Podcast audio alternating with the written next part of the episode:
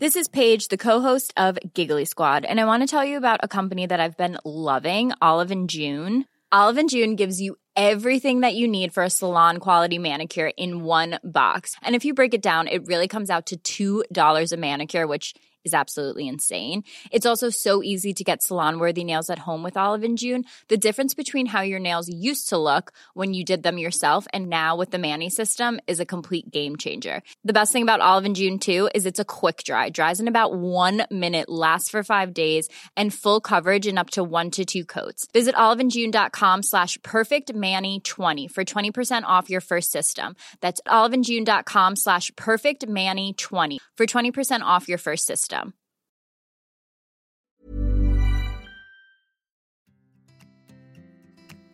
Välkommen till ett nytt avsnitt av Ayurveda-podden.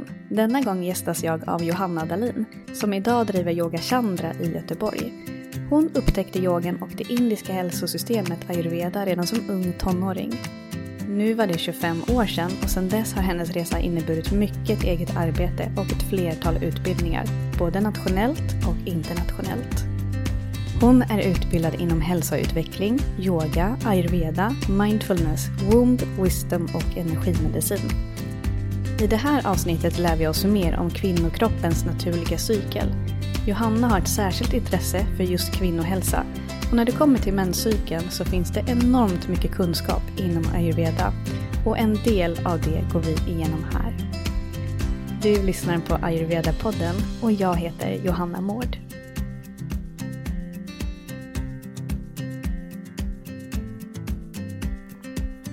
Ja, men då tänker jag att vi kör igång. Bara rakt på. Känner du dig redo? Ja. det kommer bli hur bra som helst. Mm.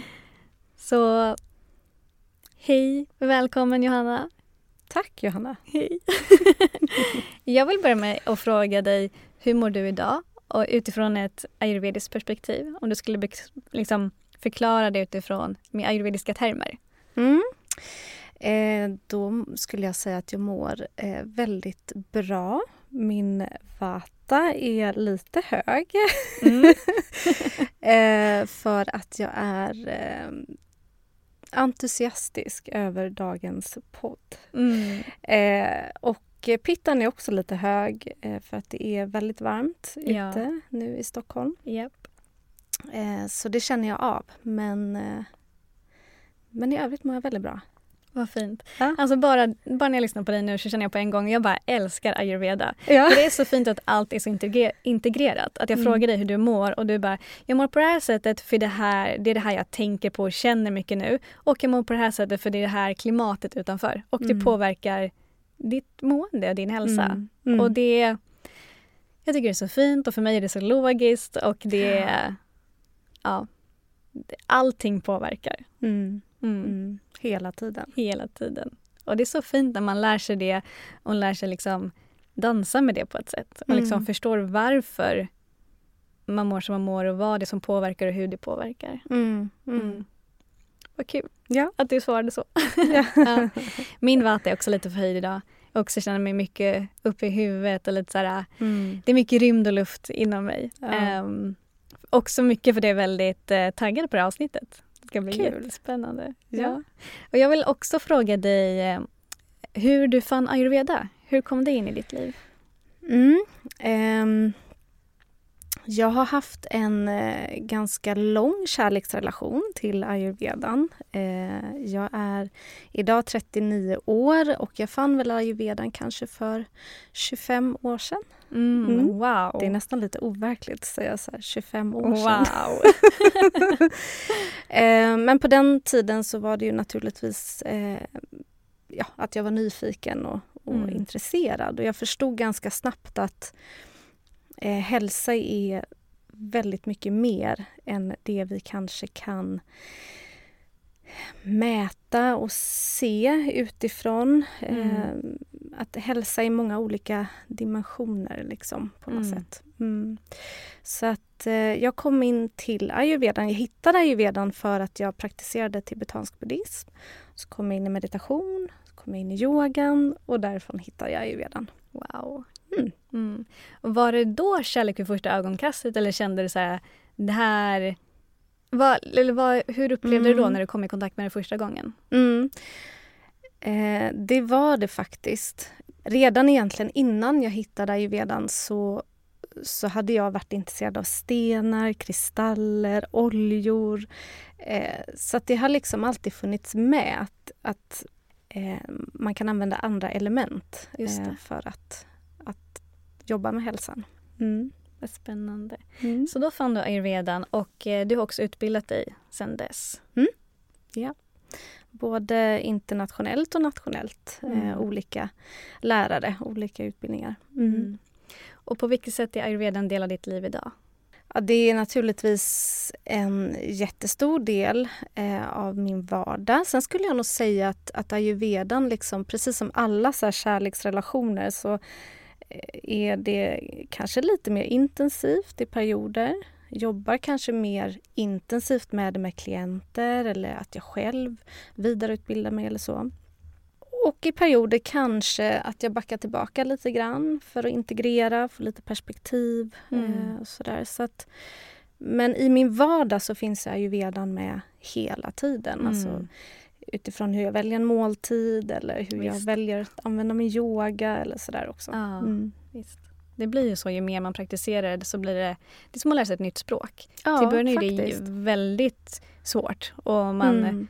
blir intresserad för ett nytt språk och man förstår ingenting alls. Så mm. förstår man lite mer och lite mer och lite mer och sen plötsligt så kan man det utan till och då går det mm. bara farten. Ja, Mm. Verkligen. Och just det här utforskandet. Att jag vet att du och jag pratade om det, Johanna, när vi pratade första gången att man blir aldrig klar. Mm. Och det finns så många lager inom ayurvedan. Eh, och det tycker jag är roligt. Mm. Att det är inte en kurs och sen så kan du ayurveda utan det är en livslång liksom, process att, att eh, sådär, nörda ner sig i någonting mer och skala bort ännu ett lager och förstå det här på nytt. Och liksom. Ja. Sådär. Mm. Och sen är det så som det är med allt att ju mer man lär sig desto mindre inser man att man faktiskt kunde ja. från början. Trots att när man ja. läser första boken tänker man nu förstår jag rätt mycket här. Ja. Men ju mer man lär sig desto mindre inser man att man kan vilket också gör att det finns så mycket mer att lära. Mm. Eh, men det betyder dock inte att det lilla man lär sig är onödigt eller liksom att mm. det inte är tillräckligt. För det är mycket det den här podden handlar om. Så här, vilka mm. små bitar kan vi ganska snabbt förstå och börja praktisera för att det ska göra en skillnad för oss. Mm, precis, och man blir ödmjuk i det. Ja, verkligen. Ja. verkligen. Och du har ju sen också funnit en särskild passion för kvinnohälsa. Mm. Eh, kvinnohälsa och eh, än mer specifikt menscykeln. Och hur kom du in på det? Ja, eh, det är egentligen en ganska lång process skulle jag säga. Från början, från allra första början så var det att eh, jag gick djupare in i yogan eh, själv mm. personligen och eh, upptäckte att min kropp, alltså när jag ställde mig på yogamattan så ville min kropp ha olika saker olika dagar. Mm. Och det var egentligen där det började för mig. Eh, just där och då så kopplade jag nog inte ihop det med menscykeln som vi ska prata om idag och som mm. har blivit liksom ett ämne som jag lite brinner för mm. eh, idag. Men där och då så var det mer intuitivt att jag kände att kroppen ville inte alltid ha det här linjära liksom inramade i yogan som jag och många andra inom yogatraditionen har blivit lärda att liksom, så gör man den serien eller så gör man den sekvensen och så. Mm. Eh, så där började mitt utforskande egentligen och sen började jag koppla ihop det här med mm. eh, ja, menscykeln och det ayurvediska perspektivet också kring ja. det. Vad fint känner jag att, du liksom, att det kom inifrån. Ja, det gjorde många det. gånger kommer mm. ny kunskap till oss eller någonting som väcker vår nyfikenhet kommer ofta utifrån. Mm. Det är någon som presenterar någonting eller vi själva får nys om någonting nytt så blir vi nyfikna. Men ja. att det här kom inifrån. Det här kom inifrån. Mm eh, under en ganska lång process. Och jag är också väldigt tacksam för det. För, det, för mig blev det en, en nyckel till eh, att fördjupa liksom hälsan ännu lite till. Eh, mm. Helt enkelt. Mm. Och ja, jag, kan, jag kan verkligen förstå att det finns väldigt mycket eh, lärdom och liksom att hitta där för att komma ännu mer i balans och må, må ännu bättre. Ja. Och när i allt det här upptäckte du, för först kom ju den liksom, känslan av att okay, jag verkar, min kropp verkar vilja ha olika Mm. saker olika tid på månaden. Och när upptäckte du att det finns en enorm ayurvedisk kunskap inom det här? Ja, det har också i sig varit en process faktiskt. Jag började först att utforska mitt egna, liksom, min egen cykel och det egna liksom, i mitt liv kring, kring det cykliska.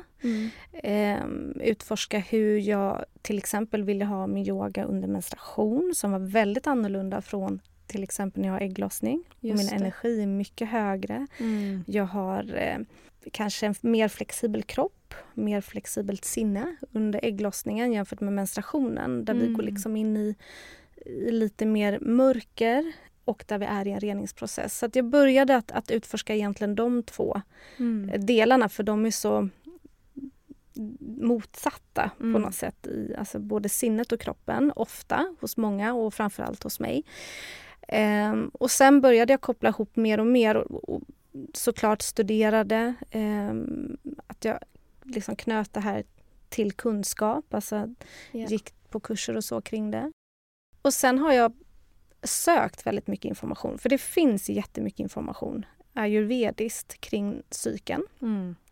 eh, och framförallt kring menstruation och, och så. Tyvärr är det någonting som jag har saknat i många av de utbildningar som jag har gått Mm. eh, och alltid saknat det kvinnliga perspektivet att kvinnokroppen är så mycket mer komplex än en manskropp. Verkligen, Och, två helt olika Ja. varelser, det kan jag Ja. säga, men det är ju det. ja. Och jag känner igen mig i det. Jag har inte heller läst jättemycket om det här. Det är därför jag är så glad att du är här idag. För Mm. jag ser fram emot att lära mig massa Mm. nytt jag också. För det tror jag verkligen att jag kommer göra. Så Mm. det, det känns jättespännande och jag är jättenyfiken på att få veta mer. Kul! Ja. Och det var inte alls min mening att jag skulle eh, liksom stå i någon front kring detta. Men för det finns jättemånga där ute som är jätteduktiga på att prata om menscykeln och hormoner och, och sådär. Mm.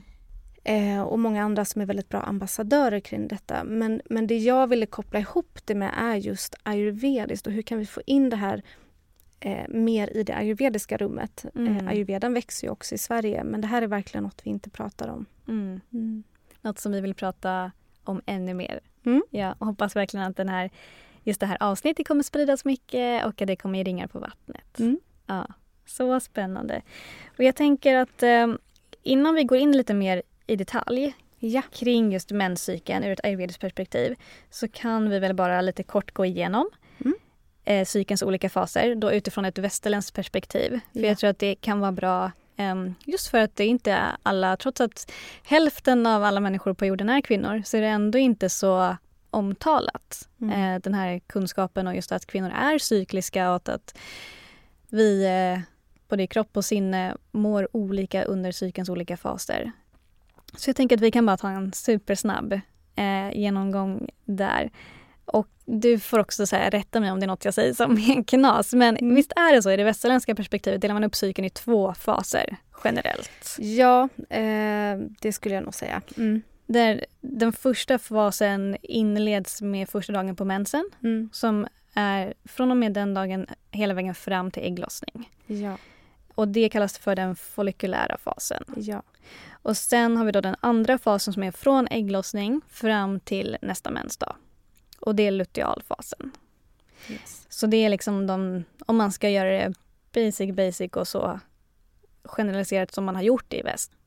Ja, jag, jag tror att jag själv faktiskt var inne på Kry och bara Ja. kollade och där hade de delat upp det på det här sättet. Så jag tror att det är Ja. det vanligaste Ja, här i jag väst. skulle nog också tro det. Men vi, eh, du och jag och många andra kan ju enas om att det är lite mer komplext Ja. än så. Och det är det vi kommer gå in på här idag också. Ja, men och hur lång cykeln är beror ju på när ägglossning sker. För det Ja. är den som kan variera. Eh, och det kan vara från första mensdag till ägglossning. Det kan ju vara allt från eh, kanske tio dagar upp till flera veckor. Eh, och det har jag förstått också att det handlar mycket om att kroppen ska känna sig trygg med att ägglossa. För om du är Mm. uppe i stress eller annat, då känner inte kroppen att nu är vi redo att bli gravida. Mm. För då finns det ju annat som distraherar och det är inte alls redo att liksom bära ett barn. Mm. Eh, så det är väl en anledning som kan göra att ägglossningen dröjer och då blir Mm. hela menscykeln förlängd. Mm. Eh, men det finns ju massa faktorer kring Ja. det där också. Verkligen. Ja, och eh, enligt västerländskt perspektiv, eller det här är också Ja, men då pratar man mycket om hormonerna östrogen och progesteron Ja. som är de två vad säger man, de två mest centrala hormonerna i menscykeln. Eh, varpå östrogen pikar ju där runt ägglossning, Ja. eller hur? För att sen sjunka. Mm. Eh, och progesteron pikar i mitten av lutealfasen. Ja, efter ägglossningen. Efter ägglossning, precis. Mm. Då kommer den upp. Mm. Och sen är det väl så att både progesteron och östrogen dippar ganska vid första mensdagen. Så då är det som lägst nivåer. Precis. Hormonerna. Så Ja. det är därför vi upplever PMS. När liksom, eh, de här hormonerna sjunker Mm. så kan det ju ställa till det Just det. kroppen. Mm. Men sen är det också så att om vi är i balans, Mm. alltså mår bra med vår egen hälsa, då kan Mm. vi uppleva varje dag genom hela cykeln och må bra. Eller hur? Eh, ja, Säger du med lite skepsis. Jag tänker må bra men vi kommer må, vi kommer må på olika sätt genom cykeln. ja. Eller vad är det som får dig att säga ett nja? ja, nu tänker jag ju, för nu, nu pratar ju du västerländskt och Ja. så är det säkert eh, västerländskt Okej. skulle jag säga. Spännande att jag kommer lära mig massa nytt. Det är inte säkert, men jag tänker att, att de ayurvediska doscherna, vi kommer komma in på det, men de är ju med här. Så har man liksom obalans i grunden Mm. Eh, som kanske ligger kvar, det kan vara alltså, obalanser som man kanske inte alls känner av i vissa delar av cykeln men som blir väldigt tydliga i andra delar av cykeln. Så här har vi ju ett annat perspektiv Mm. med det ayurvediska synsättet Mm. där man också pratar hormoner men inte bara hormoner utan även doscherna. Då. Exakt, det finns liksom fler dimensioner Ja. från det ayurvediska perspektivet. Ja, vad spännande. Och jag tänker att vi hoppar in på det på en gång. För inom ayurveda så vet vi ju att de här fem elementen, rymd, luft, eld, vatten och jord, påverkar allt inom oss och runt omkring oss. Ja. Och de här elementen styr ju alla rytmer och, sk- och skiftningar, Mm. även i naturen. Eh, som till exempel då dygnsrytm eller årstid. Mm. Och vad finns det då för koppling mellan det här och den kvinnliga cykeln? Mm. Naturligtvis så finns det i det ayurvediska perspektivet en, en stark koppling för att vi människor är ju en manifestation också av de fem elementen. Så att allt det som sker utanför i naturen, i måncykeln, i dygnsrytmen, allt det påverkar ju även oss. Det finns liksom ingen separation mellan det och oss som Mm. individer. Eh, så naturligtvis så, så påverkar det eh, jättemycket. Eh, och som jag nämnde här innan så, så genom att förstå cykeln och förstå sin, alla sina faser i menscykeln eh, så kan man också börja förstå sina obalanser. Om man nu inte har gått till en ayurvedisk hälsorådgivare och, och har fullkomligt koll på detta innan så Mm. kan man förstå att ah, men där kanske strax innan mens eller första dagarna på mensen då kanske jag får vata-symptom till exempel. Eh, en förhöjd vata. Eh, så kan man liksom sätta det lite i relation till, till de Mm. ayurvediska begreppen. Jag förstår det som att man på ett sätt skulle kunna tänka sig att man kan använda cykeln för att lite tracka sina obalanser Mm. och se Mm. vad är det jag behöver göra för kost och livsstilsförändringar för att må ännu bättre. Mm, absolut. För att cykeln, man kan se det som att cykeln hjälper oss att så här, identifiera obalanser på ett sätt. Ja, jag skulle säga att det är så. Jag vet inte om många skulle hålla med mig, men man pratar också om när, man, när en kvinna träder in i visdomens tid, klimakteriet, när man är förbi liksom den blödande delen av livet, så pratar man också om att de här obalanserna kan liksom, i takt med att hormoner förändras och skiftas i kroppen så kan liksom, obalanser som har legat kanske under en längre tid de kan bli tydligare under klimakteriet. Och samma sak skulle jag säga är till exempel när menstruationen startar. Eh, för då blir den här slöjan som annars ligger, hormonerna är lite som en slöja som Mm. sådär ah, reglerar lite Mm. obalanser här och där. Och det blir tydligare när, när eh, hormonerna Okej, skiftar, även i menscykeln. Skulle Mhm. jag säga. Det är min Mm. egen upplevelse Mm. av det. Mm. Mm. Så självklart så påverkas vi jättemycket. Generellt sett så skulle man kunna säga så här att kaffa nu utgår jag från att man vet vad kaffa är, men vi kanske det, ska... Jag tror det, um, de som lyssnar på den podden. Och gör man inte det, då kan man gå tillbaka och lyssna på första avsnittet som heter ayurveda, vad är det? Perfekt. Och alla andra avsnitt också för den delen. Men eh, lyssnar man på det här så utgår jag från att man vet mm. vad kaffa är. Mm. Mm. Och då är det så att kaffa den är liksom stark eh, eller som starkast eh, efter menstruationen. Så när menstruationen har tagit slut mm. Nu tittar vi liksom på doscherna då i hela cykeln. Ja. Så när menstruationen tar slut så är kafa som starkast och fram till och med ja, nästa ägglossning ungefär. Mm. Och eh, det är då kroppen förbereder sig för ännu ett tillfälle att skapa nytt liv. Så mm. saker och ting växer, livmoderslemhinna växer och så vidare i kroppen. Mm. Och jag, tänk, jag får upp en bild framför mig. Liksom så här, kvinnokroppen är skapad för att kunna skapa nytt liv, alltså bära ja. ett barn i magen.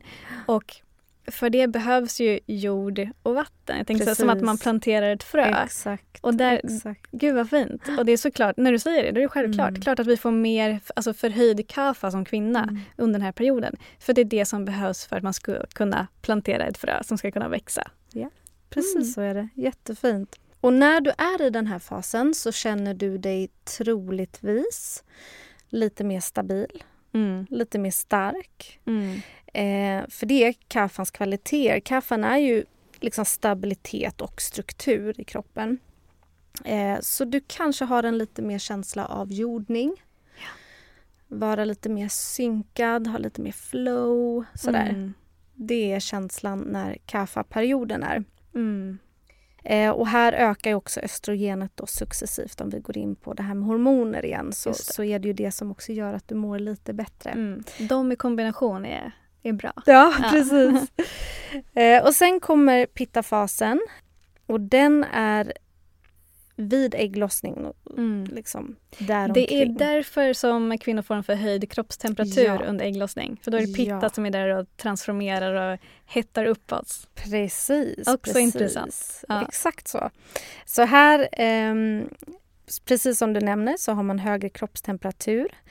Eh, ägglossningen förbereder liksom kroppen och ger alla förutsättningar för att skapa ett nytt liv och behålla mm. det här. Eh, här så kan man uppleva, vid ägglossning är det vanligt att man upplever kanske en förhöjd värme i kroppen men också passion, sexuell lust. Eh, och östrogenet i sig har ju också en påverkan på hur vi strålar och ser ut. För mm. östrogenets eh, syfte är att fortplanta oss. Mm. Så att här blir vi lite mer liksom radiant, alltså mm. så i utstrålningen. Vi får lite härligare hår, finare hy. Mm. Vi glänser på alla sätt och det är också pittan som en yeah. sol liksom som bara... Verkligen. Mm. Jag tänker också på det här med liksom passion, lust och mm. drivkraft. Det är också associer associerat med, med pitta. Pitta, mm. precis. Exakt. Eh, och sen när den fasen är förbi så kommer ju vatan.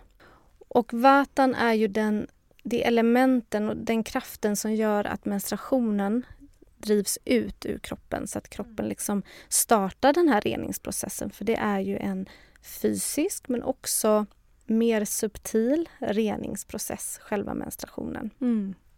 Vata är ju rymd och luftelement som yeah. många säkert vet. Så det här speglas ju också lite i det som kanske många kvinnor upplever vid menstruation. Att det blir en, å ena sidan kanske inre tomhet.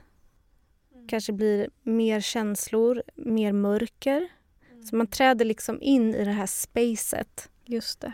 av mörker och om man kan likna det vid det inre kosmos eller mm. universum. Eh, rent hormonellt så dippar ju, alltså progesteronet har ju liksom eh, gått upp.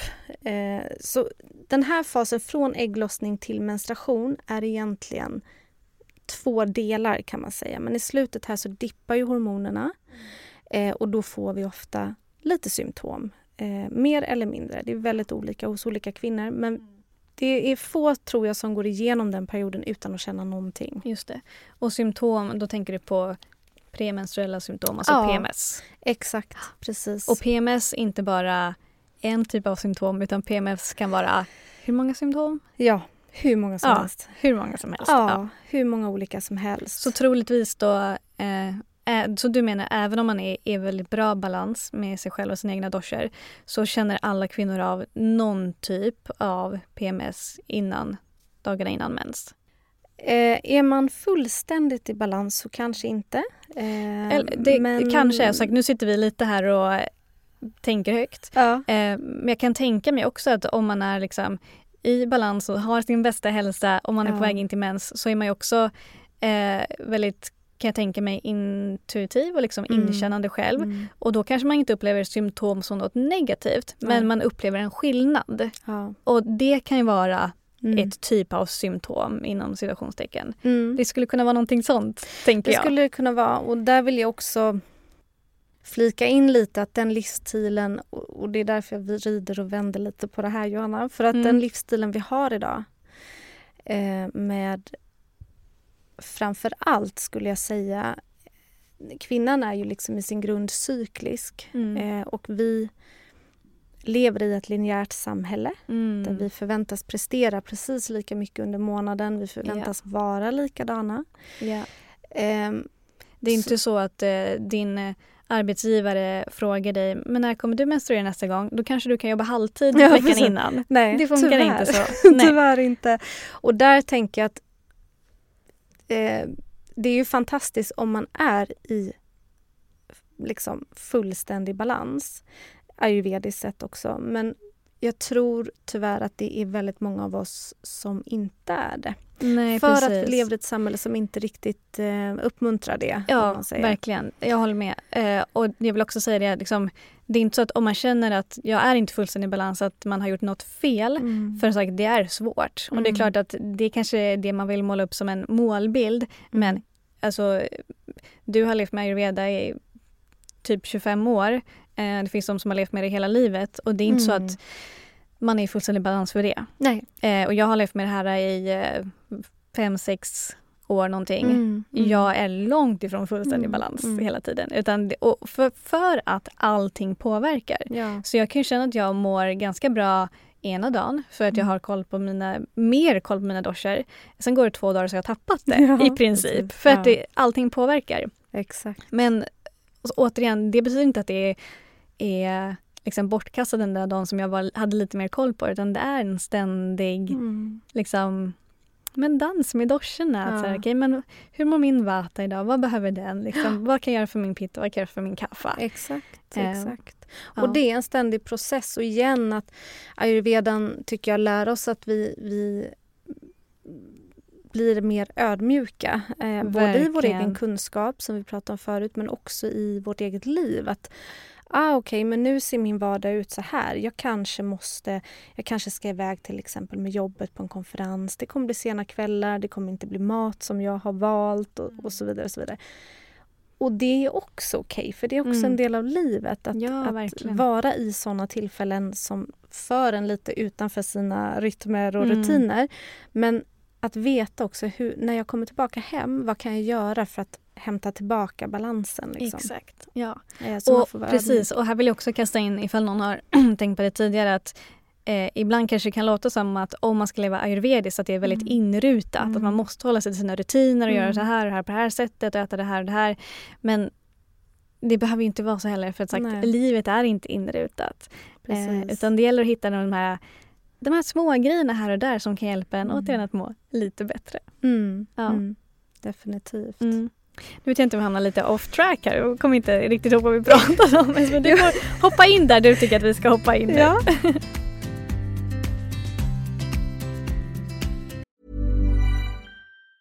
Ever catch yourself eating the same flavorless dinner three days in a row? Dreaming of something better? Well, HelloFresh is your guilt-free dream come true, baby. It's me, Gigi Palmer. Let's wake up those taste buds with hot, juicy pecan-crusted chicken or garlic butter shrimp scampi. Mm. Hello Fresh. Stop dreaming of all the delicious possibilities and dig in at HelloFresh.com. Let's get this dinner party started. Even when we're on a budget, we still deserve nice things. Quince is a place to scoop up stunning high-end goods for 50 to 80% less than similar brands. They have buttery soft cashmere sweaters starting at $50, luxurious Italian leather bags, and so much more. Plus, Quince only works with factories that use safe, ethical, and responsible manufacturing. Get the high-end goods you'll love without the high price tag with Quince. Go to quince.com slash style for free shipping and 365-day returns. Eh, men jag kan ju nämna att ayurvediskt eh, sätt, eh, om man har en, apropå det här vi pratar med balans, eh, om man lätt vill titta på menstruationen i sig, nu inte då faserna i sig utan själva menstruationsflödet är balanserat, mm. så ska det vara färskt blod, mm. det vill säga inte gamla blodrester som kommer mm. ut, brunt blod. Eh, det ska vara ett normalt flöde utifrån dig och din kropp och hur det brukar se ut. Mm. Eh, vi kommer komma in på det mer också. Eh, och det ska inte heller vara någon avvikande lukt. Så de tre liksom parametrarna kan man ju kika lite efter eh, nästa gång man får sin menstruation helt enkelt. Just det. Ja. För, så om det är eh, så checklista för att det ska vara lite mer i balans. Ja. Det ska vara färskt Precis. och normalt flöde där man utgår från sig själv ja. och hur det brukar vara. Exakt. Det är, kan vara ett tecken på att kroppen är någorlunda i balans. Då. Mm, ja. mm, att menstruationen fungerar som den ska. Mm. Då har vi lite koll på det. Så vill jag också flika in någonting som, som är viktigt och det är att har man upprepade symptom eller obalanser antingen liksom allvarliga PMS-besvär eller problem kring sin menstruation eller sina faser så kontakta din vårdgivare för det finns jättemycket bra hjälp att få mm. och att du som kvinna har rätt att må bra under hela cykeln. Eh, och där har vården eh, bra resurser. Så hitta en gynekolog eller barnmorska som, som verkligen lyssnar och förstår eh, dina problem. Mm. Man kan också gå till en ayurvedisk hälsorådgivare. Precis, tänker jag. det kan man också göra. Ja. Det finns många vägar att gå. Det finns många vägar att gå. Eh, och utifrån det ayurvediska perspektivet så eh, kan du ju också liksom förstå kroppens eh, signaler, kroppens språk till dig. För att när du har smärta eller när du har obehag eller migrän eh, som är typiska liksom PMS-besvär så ayurvediskt sett så är det kroppens sätt att säga någonting till dig. Mm. Så där handlar det ju igen om att gå in i... Kvinnan är ju intuitiv till sin natur. Att ja. gå in i intuitionen och lyssna. Vad är det kroppen försöker säga? Varför får jag den här huvudvärken tre dagar innan mens varje månad? Eller varför får jag alltid ont där den dagen på cykeln? så. Mm. så att utforska det jag brukar uppmuntra mina yogaelever att så utforska allting som ett barn som ser det liksom för första gången. Mm.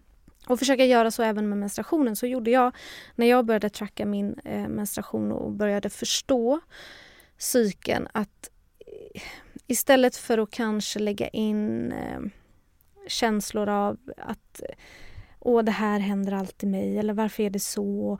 Åh, det är så typiskt att jag alltid ska få migrän till exempel eller vad det nu kan vara. Istället för att gå in i de där tankarna, att se det med ett perspektiv av öppenhet och acceptans. Mm. Eh, för om du börjar tracka din cykel så kommer du att ha en ganska lång process framför dig och varje cykel lär dig någonting nytt. Så det är inte så att har du trackat tre cyklar, alltså tre månader, så kan du din cykel utan varje cykel lär dig någonting nytt. Mm. Eh, och det finns hela tiden liksom lager och lager och lager. Idag pratar vi kanske mer utifrån ayurveda och det fysiska men det finns lager av eh, hur vår kreativitet förändras, hur våra egenskaper förstärks eh, och så. Så det finns väldigt mycket att utforska i, mm. i det här. Om vi ska gå in lite på de olika doscherna tänker jag. Ja, absolut. Och kanske hur det kan manifesteras när man har obalanser. Ja, verkligen. Då är det så att eh, vi har ju först Vata. Du är mycket Vata. Ja. Ja. ja. Vanligt för en Vata-dominerad person eller någon som har kanske mycket obalans i Vata, har med sig det, så är det vanligt att man får mensvärk Mm. och framförallt nedre delen av ländryggen kan man få. Eh, det är liksom vatans område. Exakt. Så där är, är det inte helt ovanligt att man upplever problem. Man kan också få en omväxlande tarmtömning. Eh, säkert många kvinnor som känner igen att magen blir lite jobbig första dagarna på menstruationen. Gaser. Eh, känslomässigt så kan det handla liksom, hos en vata mer en tendens kanske till oro, eh, lite ångest, liksom känslan av att vara instängd i sin kropp. Mm. så. Mm. Eh, vatan har också mer tendens till den här oregelbundenheten eh, överlag egentligen. Alltså både i psyken, att psyken kan vara oregelbunden men även att flödet kan vara oregelbundet. Just det. Vata står ju för oregelbundenhet. Precis. Att, eh, och det är verkligen eh, signalementet för, för vata om man Ja. har mycket vata. Precis. Eh, Men det betyder dock inte att om man är vata-dominant mm. att så här ska eller ser menscykeln ut utan det här är om man har förhöjd vata. Mm. Så det här är om man Precis. har en vata-obalans snarare. Ja. Eh, men också så här, har man mycket vata i sin grundkonstitution så är det liksom åt det här hållet som symptomen har en Mm. tendens att, att gå. Ja, exakt. exakt. Eh, det är också vanligt att man har den här skiftande energin. Eh, generellt som vata eh, dominant eller vata obalans men, men kanske också eh, kring menstruationen att man får hög energi, hög kreativitet och sen så totaldippar man. Just det. Mycket oregelbundenhet där också. Ja. Ja. Precis. Eh, så för att stötta den här eh, nedåtgående, för vi vill ju jobba med den här nedåtgående energin eh, när menstruationen kommer igång. Mm. Eh, för det är ju vata och Ja. apana eller apana som, som ska jobba ner liksom flödet från Exakt. kroppen och ut ur Mm. kroppen. Och med tanke på att det här är en reningsprocess så är det väldigt viktigt att stötta upp att menstruation cykeln och menstruationen fungerar Mm. eh, bra. Så det man kan göra som är väldigt lätt men superenkelt det är att ta lite varm sesamolja till exempel och bara massera nedre delen av magen. Kanske någon dag innan mens när du känner att det är på gång eller eh, första dagarna på mensen om du fortfarande har mensvärk då. Så bara massera magen med, med varm sesamolja. Eh, kan man massera också ner på eller ut på ländryggen. Mm. Eh, jätteskönt. Mm. Det finns ju också en marmapunkt, vital energipunkt, eh, runt naveln. Så man kan också ta lite där, eh, Okej. runt naveln och så ner. Spännande. magen. Det här med marmapunkter har vi inte pratat så mycket om. Så jag Mm. ser fram emot att helt avsnitt där vi pratar om det framöver också. Mm. Mm. Ja, Ja, det är jättespännande. ja, verkligen. verkligen. Sen har vi pitta, eldelementet. Och för en person som har pitta-obalans så kan det bli lite mer intensivt. För här är elden närvarande hela tiden på olika sätt. Mm. Eh, så både blödandet i sig, alltså mängden blod kan vara mer hos en Mm. pitta än en vata. Men även känslor i form av kanske ilskan eller aggressiviteten som lätt kan komma i PMS-fasen där. För pitta går mer åt ilska och det medan vata går mer åt oro, ångest. Precis, exakt. exakt. Ehm, så pittan har ju lätt att...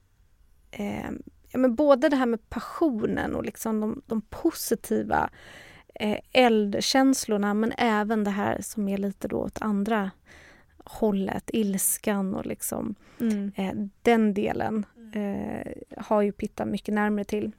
Eh, akne, migrän har med eh, eldelementet att göra, Pitta. Eh, även mensvärk generellt och även spotting som man liksom har små blödningar under cykelns gång. Mm, Okej, så det Eh. kan vara ett pitta-symptom. Yes, precis. Så rådet här för Pitta, det skulle jag säga är att hitta tekniker, för pittan blir ju gärna uppe i huvudet och målinriktad och liksom driven. Mm. Att hitta tekniker för att komma ner i kroppen. Eh, inte bara under själva menstruationen utan även under hela eh, cykeln. Att hitta hitta tekniker som funkar för dig där du kommer ner i kroppen och landar i kroppen. Och det kan vara såklart yoga, men det kan också vara fria rörelser i någon form. Men någon form av rörelse eller teknik som, som får dig att komma ner i kroppen. Sen skulle jag också säga att, att pittan, om man har de här återkommande pitta-symptomen så se om du kan jobba lite grann också med känslorna. För pitta har mycket känslor ofta. Mm.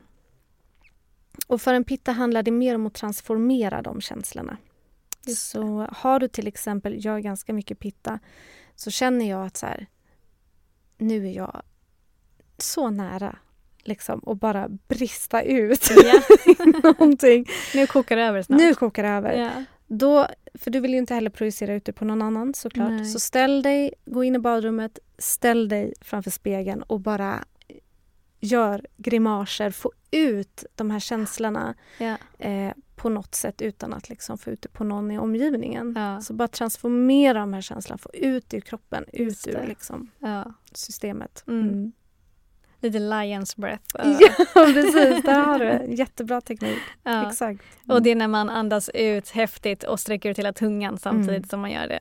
Precis. Och låter samtidigt gärna. Exakt. Det, det kan jag tänka mig är väldigt bra då. Ja, mm. absolut. Jättebra. Jättebra råd. Eh, sen har vi kafan.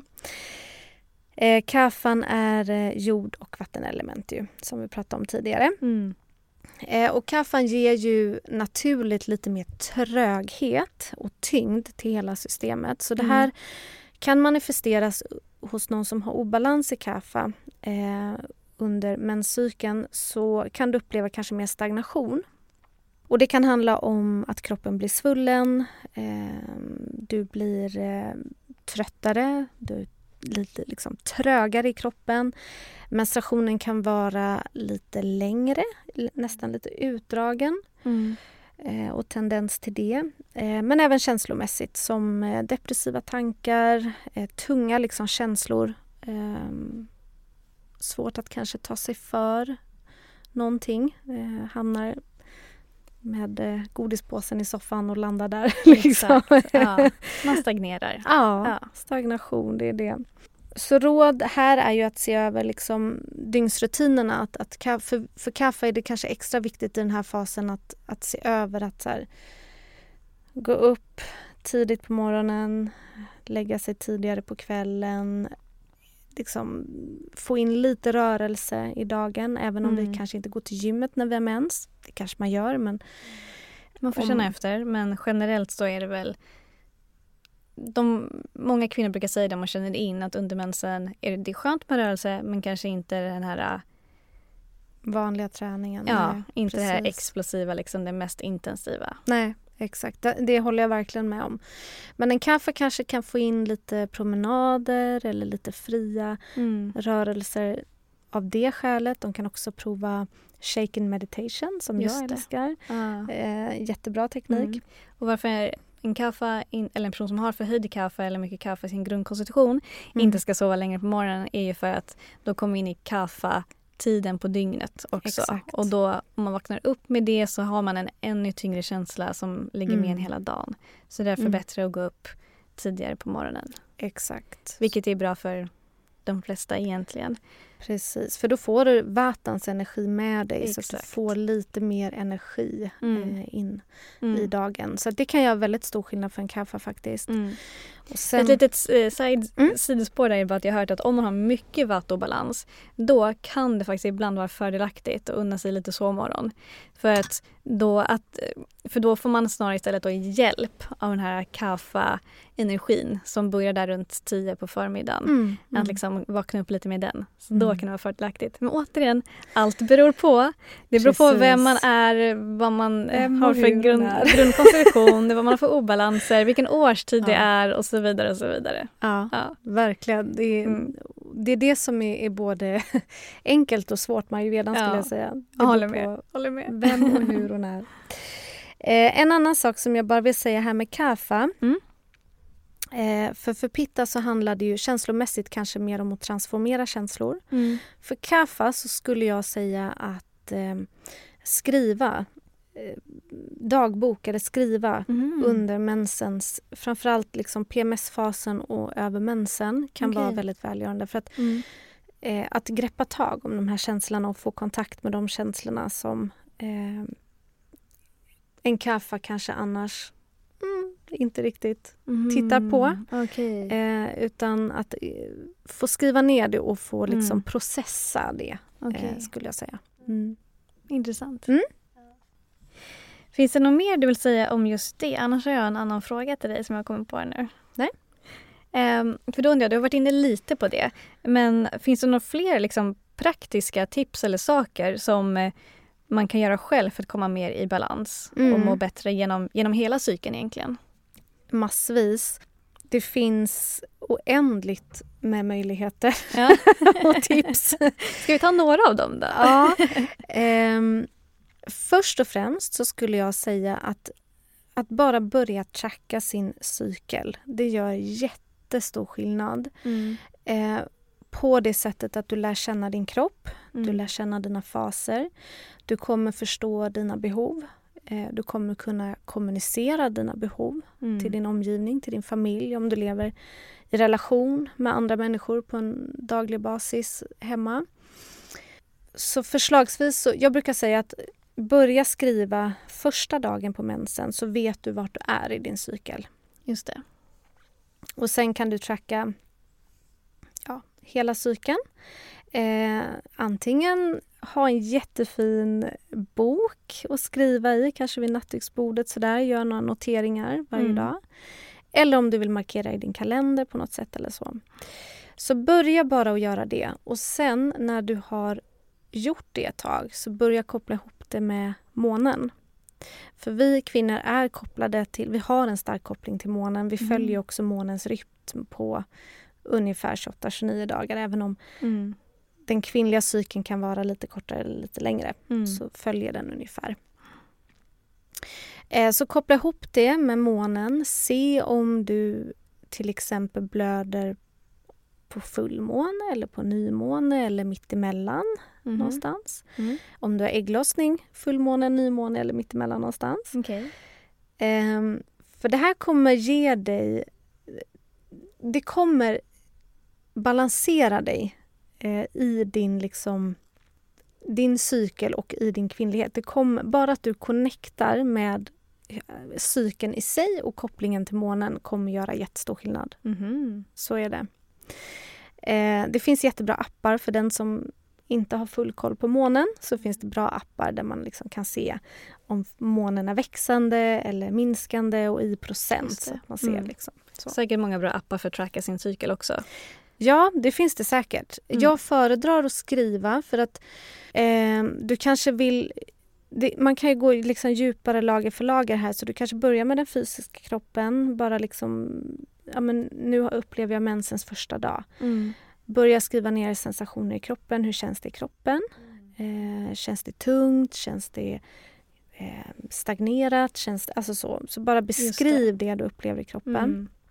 Man kanske vill gå ännu djupare till eh, känslomässigt. Skriva ner vad är det för känslor som finns i mig just nu. Mm. Eh, man kan gå ännu djupare och skriva ner, eh, som jag var lite inne på innan, att kreativitet, eh, alltså de här egenskaperna hos oss förstärks under vissa Mm. delar av cykeln också. Mm. Eh, lösningsfokuserade. Sådär. Så där kan man också laborera lite grann. Men också ta in det ayurvediska. Så det har jag gjort i min, när jag har trackat min cykel, att jag också för in. Känner jag att jag har vata, mer vata i kroppen idag? Eller känner jag att pittan är mer närvarande? Mm. Eh, så att jag liksom kan koppla ihop det att ja, men jag har mycket pitta runt ägglossning och strax innan ägglossning. Jag är väldigt så målfokuserad och just Mm. göra klart Mm. projekt och, och sådär. Och sen efter ägglossningen så kommer liksom naturligt vatan mer och mer och mer och jag går mer och mer in till liksom introspektion, alltså det här introverta. Just det. Vilja vara lite mer för mig själv eh, och så, att det naturligt blir den eh, delen. Så att jag gillar att skriva. Jag har jag vet inte om man kan, men jag har eh, såna trackers man kan skriva ut om man vill. Så om man kan bifoga det på något sätt. någon... så, alltså som du ger till dina klienter då? Ja, Okej, okay, ja. men då tänker jag så här, vi, eh, innan vi avslutar eh, så kommer du få dela med dig hur man får kontakt med dig. Ja, så vill man så ha man den så hör Precis. man av sig till dig helt enkelt. Det blir jättebra. Toppen. Det blir toppen. Ja. För då kan man lätt skriva ut den så fyller man i datum, mm. fyller i eh, allt man vill fylla i kring det vi precis gick igenom och sen även fylla i kring månen, hur den ser ut. Så. Okay. Det var spännande. Jag blir jättetaggad mm. på att göra det här själv. För det mm. har jag inte gjort förut, trackat på det sättet och connectar med månen. Mm. Vad finns det mer för praktiska Oj, det, ja, det finns så mycket. Ja.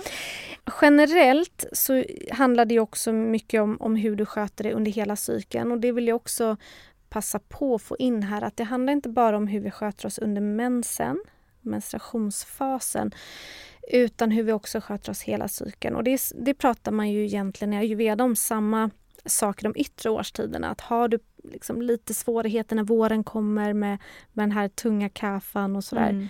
Hur kan du ge näring till de andra faserna så att du inte upplever den fasen så tung? Just det. Eh, och det är precis samma sak här när man pratar om de inre årstiderna som kvinnan har. Precis, då. för då, bara för att återkoppla till årstider. Om det är så att du är noggrann med att balansera din vata under vintern, alltså den faktiska årstiden vintern, då kommer våren inte kännas lika tung. Yeah. Det är så, eller hur? Mm. För annars en vata-obalans under vintern tenderar att bli en kaffa-obalans när våren kommer. Mm. Och samma sak med vår inre cykel då. Mm, mm. Precis. Så att, eh, att ta hand om hela cykeln är, är jätteviktigt. Och bor man i Göteborg så är man naturligtvis välkommen till våra måncirklar. Eh, jag har cirklar nästan varje fullmåne eh, och ibland på nymåne. Mm. Och det är ett jättefint sätt att återknyta till naturen för att eh, steg nummer ett är att återknyta till din egen cykel. Men det gör vi också genom att vara i naturen för det, mm. vi är en spegling av naturen. Så att mm. sitta i naturen under månljuset, göra mantran eller fria rörelser eller någon form av ceremoni mm. kommer att göra att du hamnar också mer i balans för att du är mm. i, i synk med naturen. Mm. Eh, så att måncirklar, se om du kan hitta det där du bor. Mm. Eller skapa själv. eh, det kan man göra också. Eh, bor man i Göteborg så, så jobbar jag också med eh, sessions där man kan liksom få hjälp att tracka cykeln och jag har också kurser i de inre årstiderna så att man kan lära sig mer om det här om man liksom vill fördjupa sig i mm. den här visdomen som, som finns. Eh, så har jag nästa kurs som startar i september hos Ashtanga Shala. Mm, spännande. Och då är det september hösten 2022? Ja. Ja, nere i Göteborg. Precis, mm. exakt. Så det är väl lite hur man kan närma sig den här visdomen. Så. Mm. Spännande. Mm. Finns det Um, vi kommer bara börja avsluta här för vi har redan suttit och pratat i snart en timme. Mm. Men uh, jag känner, jag känner att det finns jättemycket mer att prata om. Jag kan tänka mig att du känner det också, mm. du som mm. sitter på så mycket kunskap om det här. Uh, men jag tänker, om, finns det någonting mer som du bara vill... Att det, vi kommer säkert, jag ska säga också, vi kommer säkert ändå spela in fler avsnitt på specifikt det här ämnet ja. för det finns så mycket mer att prata om.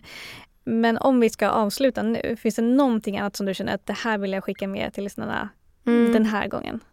Utöver, utöver allt vi har redan sagt. Ja, eh, då vill jag faktiskt passa på att säga ett par saker. Dels om du fördjupar dig själv i litteratur kring eh, det här ämnet och kanske framförallt ayurvedisk litteratur så kommer du stöta på författare som beskriver att det finns ett rätt och fel här. Mm. Ett rätt sätt att blöda, alltså i vilken fas mm. kopplat till månen det är rätt att blöda och mm. hajglossning och sådär.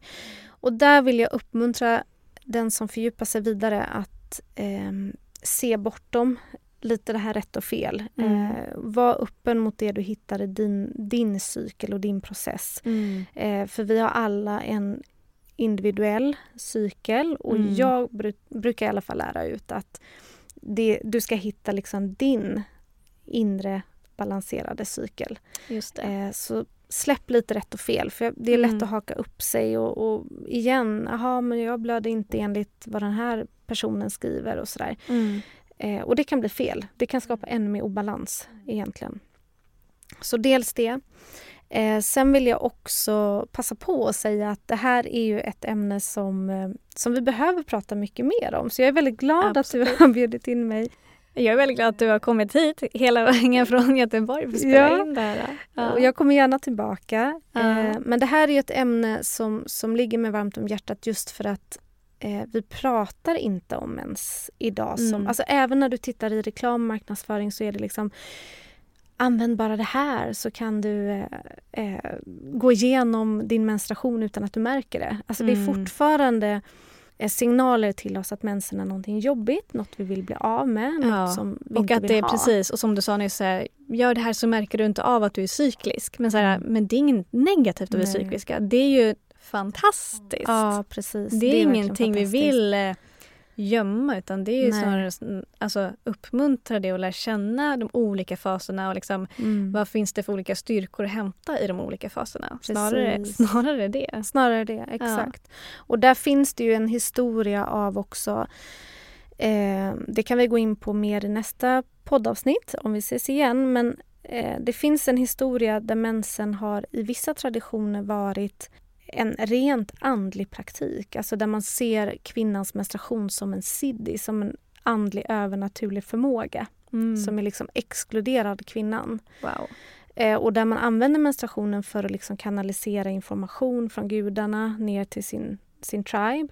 Eh, men det finns också liksom andra delen av det här spektrat att menstruationen anses, eller ansågs komma för att en kvinna har varit i synd. Mhm. Så det finns liksom hela det här Olika spektrat. Ja. Ja. Och jag har också hört att eh, när jag var i Indien för några år sedan, inte senast utan en gång innan dess så var det också, pratade vi en del om det här med menstruationen och Mm. att man inom vissa kulturer så får kvinnan inte vara i eh, kyrkor eller motsvarande eh, under Mm. menstruation. Mm. Och då har man ibland tolkat det att det är för att det är smutsigt. Men vad jag fick veta då är att det snarare inte alls har någonting med det att göra. Någonting med det att göra. Utan snarare är det att eh, kvinnor får inte vara i den typen av heliga utrymmen under menstruation för att hon är så extremt kraftfull. Hon är helig. Ja, hon är helig och kraftfull och därför, Mm. därför ska hon inte vara Mm. där då. Och inte för att det är Precis. någonting smutsigt eller fel eller skambelagt. Mm. Och det är en Så det jätteviktig finns ju del. jättemycket, det här skulle jag också vi måste nog ha ett till poddavsnitt. Ja. För det finns så mycket mer att prata om det här. Ja, det gör det. Ja. Precis. Men det är en jätteviktig eh, sak som du tar upp där. Hur eh, de här gamla traditionerna också har eh, liksom förvrängts. Alltså Mm. att, att vi tror någonting här kring varför det praktiseras så där. Ja. Och det handlar ju mycket om just pranan och, och shaktin. Att liksom kvinnan måste ta hand, konservera sin energi, ta hand om den under menstruationen. Mm. Hon ska inte vara ute och, och liksom lägga sin energi på massa andra saker. Utan hon ska vara i sin process och det Mm. är en, en jätteviktig process. Så att tvärtom, man insåg att den här processen behöver man ta hand om och det är liksom rent transformerande för kvinnan att vara i menstruation. Ja, vad spännande. Jag känner Mm. att jag har lärt mig eh, en hel del under den här timmen. Eh, och om jag ska försöka sammanfatta det Så det som kommer till mig nu är just det här att eh, förstå att den kvinnliga cykeln, även den påverkas av vata, pitta och kapha. Ja. Och då att veta att den perioden som vi är mer i kapha, det vill säga från, Mensens slut. från mensens slut fram till ägglossning, Mm. eh, så har vi mer kaffe i oss. Vilket betyder Mm. att då kan man tänka själv lite så justering i, i ens kost och livsstil. Att Mm. göra den mer kaffa-balanserade. Då kanske man det kanske funkar bättre att äta lite lättare mat till exempel och ännu lite mer rörelse och så vidare. Mm. Och sen när runt pitta att tänka på lite mer svalkande livsmedel till Mm. exempel Mm. och lite mer em, pranayama, andningsövningar som kyler ner den om man behöver Mm. det. Och sen när vatan kommer att då tänka på det här med värme, vila, varsamhet. Mm. Det är det vi behöver Mm. från ägglossningen fram till sista mensdagen då. Ja, eh, Vatan kommer in när... Eh, eh, ja, är en bit efter ägglossningen eller? Ja, Okej, precis. ja. Det är liksom när rörelsen ska gå ner. Alltså Ah, förbereda Så det är kanske menstruation. precis dagarna innan menstruationen och, PMSen och kommer. under Mm. mensen. Mm. Ja, så där värme, vila, varsamhet. Mm. Vila, Ja. vila, vila. Framförallt vila, vila, vila. Ja, Vila, vila, ja. vila. Men det här också som är så intressant att liksom vår samhällsstruktur och kultur Mm. inte riktigt främjar det här cykliska. Men vem vet, om några år eller några Mm. generationer eller kanske nästa år förhoppningsvis Mm. så kanske det ser annorlunda ut. Vi Precis. behöver bara prata om det mer. Vi behöver prata om det. Så, Mm. så är du farmor, mormor, mamma till döttrar eller söner för den delen, så prata mens. Liksom. Mm. Prata om det hemma som att det är något helt naturligt som det är och, och liksom eh, uppmuntra till utforskande i det Ja. helt enkelt. Ehm, så kommer vi en bit på väg. Mm. Så är det. Men eh, Verkligen. ta hand om dig under menstruationen och ge dig... Och jag menar, även om man inte kan ändra sin vardag eh, så gör det du kan. Det säger jag också Mm. alltid till mina klienter att nej, man kanske inte kan sluta jobba eller ta semester varje gång man har mens. Men, men gör det du kan med till exempel den fritid du har. Eller hur du Exakt. bokar in helgen den Ja, veckan och också bara hur du klär dig Ja. och vad du väljer att äta och dricka. Eh, när du väljer att gå och lägga dig. Mm. Väljer du att ta en varm dusch eller en kall dusch? Mm. Alltså det finns ju mycket annat runt omkring. Det finns jättemycket man kan Mm. påverka också. Ja, vi behöver avsluta här Ja. nu, tyvärr känner jag. Eh, vi får ta fler avsnitt längre fram helt enkelt. Och om man nu känner att man vill höra mer från dig, man kanske Ja. vill ha en, gå till dig för en konsultation eller komma på någon av dina måncirklar. Mm. Hur får man kontakt med dig då? Då hittar du mig på yogachandra.se. Och hur stavar du Eh. yoga Chandra? Chandra med CH, CH. som måne. Mm. på sanskrit. Eh, och eh, jag är inte jätteaktiv på Facebook men eh, på Instagram, Yoga Chandra Göteborg, så är jag ganska aktiv. Så att eh, mejla eller skriv på Instagram så svarar jag. Toppen. Yes. Tack snälla, snälla för att du kommer hit och delar med dig av det här idag. Tack, jätteroligt att vara här.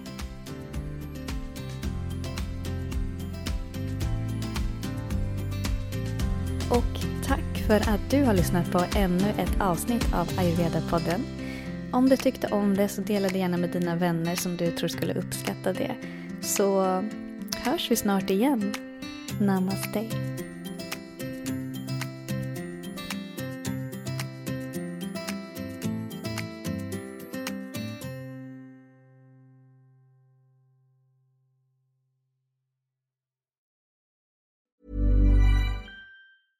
Ever catch yourself eating the same flavorless dinner three days in a row? Dreaming of something better? Well, HelloFresh is your guilt-free dream come true, baby. It's me, Gigi Palmer. Let's wake up those taste buds with hot, juicy pecan-crusted chicken or garlic butter shrimp scampi. Mm. Hello Fresh. Stop dreaming of all the delicious possibilities and dig in at HelloFresh.com. Let's get this dinner party started.